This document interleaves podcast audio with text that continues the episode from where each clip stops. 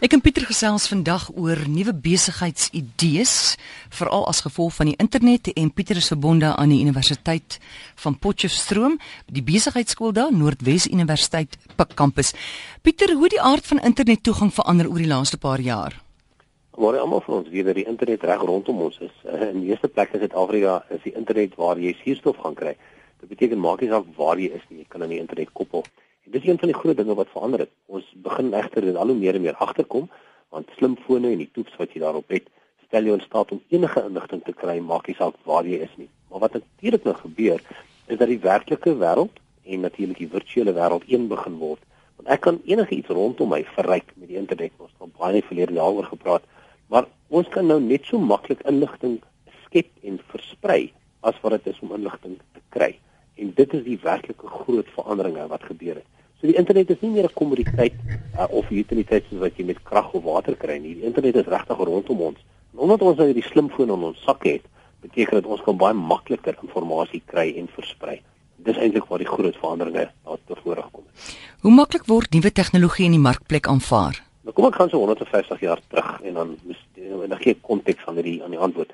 Gewoonlik word 'n tegnologie taamlik maklik aanvaar as dit 'n sekere behoefte aanspreek. Maar wat ons wel sien, is dat dit nie noodwendig die bedryfsmodelle van sekere besighede verander nie.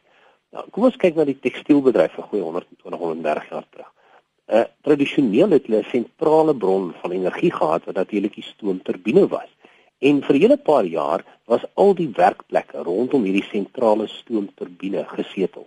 En toe kom elektrisiteit uit en versprei eintlik energie na enige plek waar jy dit nodig het binne in die fabriek. Maar dit het die hele industrie 20 jaar geneem om agter te kom dat hulle die uitleg van hulle aanleg kan verander om dus die vloei van materiaal makliker te maak deur die uitleg. So 20 jaar, kan jy dit glo? Voordat mense agterkom maar hy elektrisiteit het alles versprei, so ons het nie meer nodig om dinge te doen soos wat ons in die verlede gedoen het nie. Ons mag miskien histories daaraan terugdink en dink, "Mamma, my hierdie mense was geloosel." Hmm. Maar wat interessant is, is dat ons presies in dieselfde rolprent nou is. Ons werk in 'n omgewing waar inligting versprei is na enige iemand toe wat 'n selfoon in hulle sak het. En tog is ons besigheidsmodelle presies dieselfde as wat dit 'n paar jaar gelede was. So ons sien 'n nuwe era na vore tree. Die wêreld waar die virtuele en die regte een word en nuwe besigheidsmodelle begin nou na vore tree. En dis eintlik 'n wonderlike plek om te wees want ons gaan ongelooflike innovasie in die volgende paar jaar sien.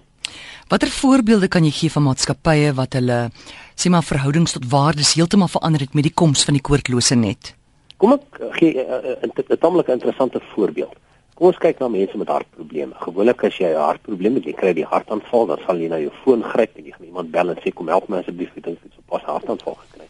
En dan gaan iemand dan ambulans na jou toe stuur en hulle gaan miskien sukkel om jou plek nie aan te kry. Ek spot altyd, ek dink ek sê altyd jy moet die pizza maatskappy ook bel en dan sê net vir die ambulans volg die pizza uit. Dit weet jy, hulle is binne 'n halfuur by jou.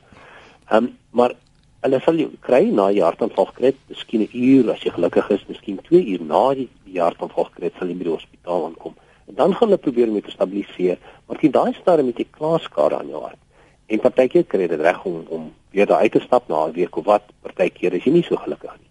Ongeag daarvan, jy gaan nog steeds die ehm um, rekening moet betaal aan die hospitaal. Hulle maak hulle geld deur seker te maak hulle kyk na jou nadat jy hartaanval was 'n maatskappy in Israel met die naam Shahal Shah Mediese Dienste. En wat hulle doen is, hulle bepaal watter tipe hartkwal jy het, dan sit hulle 'n uh, 'n klein armband rondom jou arm wat die hele tyd jou hartklop meet en dit dan aanstuur aan 'n sentrale beheerstelsel. As jy dan 'n afwyking van jou hartklop het, dan stuur hulle hierdie sein deur en dan kom hulle agter maar hier's 'n afwyking in jou hartklop. Hulle kyk dan na ander mense wat dieselfde hartkwal as jy het en sê wat het met die mense gebeur? Um, en as jy wel 70% van die tyd het mense wel 'n hartaanval gekry. Hulle stuur dan onmiddellik ambulans. Nie van waar hulle is nie, maar van waar naby jy is. Stuur hulle ambulans aan jou. En hulle iemand gaan nie deur kom klop en sê meneer, kom asseblief vir ons. Ons dink jy gaan 'n hartaanval kry in omtrent 'n halfuur van nou af. Maar jy gaan hulle dan uh, in die klim en as hulle kan dan medikasie jy gee om te stop dat jy die hartaanval kry of as jy dit wel kry, kry jy die beste moontlike hande. So alles verander in die hele waardeketting die tyd wanneer jy die hartaanval kry, die plek waar jy die hartaanval kry, die akteurs rondom jou as jy die hartaanval kry, en natuurlik die konstellasie wat masjinerie is rondom jou as jy dit kry. So en hierdie maatskappy maak nie hulle geld uit om na jou te kyk na jy die hartaanval kry nie. Hulle vra aan jou 'n maandelikse fooi om seker te maak dat jy wel gesond hier is maar een voorbeeld waar ons die inligting en 'n uh, individu of die inligting in die produk van mekaar skei omdat inligting enige plek heen versprei kan word. Dis 'n baie goeie voorbeeld van hoe die hele waardeketting omgedraai word omdat inligting nou oral beskikbaar is. Jy het al vroeër genoem dat die koppelvlak na die internet 'n groen of rooi lig kan wees. Wat bedoel jy daarmee? Kom ons kyk na 'n uh, 'n tradisionele probleem wat mense het. Sien maar 'n maatskappy ehm um, uitkontrakteer sy verspreidingsnetwerk. Kom ons noem dit gassilinders. En ehm um, nou kom jy agter dat hulle die verkeerde gassilinders by die verkeerde plekke aflaai. Nou voordat jy 3, 4, 5 maande voordat jy alles uitsorteer en die regte rekeninge kan stuur en die hele tyd kan jy nie geld in nie want daar's foute op jou rekeninge. Wat mense deesdae begin doen is om hierdie RFID, radiofrekwensie identifikasie, skyfies aan produkte te koppel en dan maak hulle seker dat al die ingange waardeur hierdie produkte beweeg 'n leser op het wat aan die internet gekoppel is of alle voertuie wat die goed vervoer ook 'n leser het. So kom ons kyk nou na 'n nuwe omgewing. Nou vra iemand jou uh, van die volgende 10 gassilinders na 'n sekere plek toe. Die oomblik as jy die verkeerde gassilinder by die deur uitdra, gaan daar 'n rooi lig aan. Jy mag 'n bietjie hierdie verkeerde gassilinder as jy dan al die regte gassilinders optel, is elke keer 'n groen lig wat jy sal sien. Nou stop jy op 'n plek en jy moet drie gassilinders aflaai en weer eens laai die verkeerde gassilinder af dan gaan daar 'n rooi lig op jou voertuig aan wat sê, "Wag 'n bietjie, hierdie verkeerde gassilinder." Mm. En so kan jy op 'n baie elementêre manier dit regkry om die om die regte goed op die regte tyd af te lewer en ook by die plek waar jy dit aflewer. Die oomblik as wat die RFID skyfies gelees word, kan die rekening outomaties gegenereer word, want dan weet ons die regte goed afgelewer. Dis weer eens 'n voorbeeld. Nou dat die inligting en inligting oral rondom ons beskikbaar is, is dit makliker om besigheidsmodelle te verander.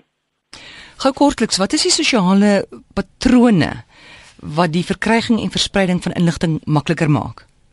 In 'n hele paar jaar terug het ons gesien dat ons om deur van ons eie inligting met ander te deel en self van ons spaarkapasiteit in ons wêreld dit verkoop, kan ons geld maak. Airbnb is 'n goeie voorbeeld waar ons ons kamers uitverhuur of as ek byvoorbeeld ry na Port Elizabeth toe, dan sê ek ek ry sin toe wil iemand saamry. Um, en dan kan ek hierdie uithuur. So dit dis 'n beweging van eienaarskap na toegang toe. Hier dis die een sentrale ding. En dan natuurlik die sosiale netwerke. Ons wat bereid is om op sosiale platforms meer inligting rakende onsself en ons omgewing te deel en omdat hierdie inligting sentraal beskikbaar is, kan jy dit in waarde omskep. Iemand noem vir my dat hulle na RSG luister in hulle motor in Switserland. Hoe is dit moontlik? Ehm um, omdat RSG word weer die internet uitgesaai en meeste van ons kan al reeds baie goeie internet sê net kry terwyl ons rondry. Ek gaan nie aanbeveel dat jy op jou selfoon moet doen nie. Mm. Maar daar is 'n sekere radio's wat nou ook uh, internetradioostasies opvang terwyl jy rondry. Net soos wat jy tussen selfoonstasies rondry, uh, gaan jy met die nuwe derde generasie of selfs die LTE tegnologie, is daar soveel bandwydte nou beskikbaar dat jy wel die die ehm um, RSG na kan luister deur die deur na die internet of die koodloos internet hm. daarna te luister. So dis regtig moontlik en binnekort maak jy saak waar ons in die wêreld wil wees nie.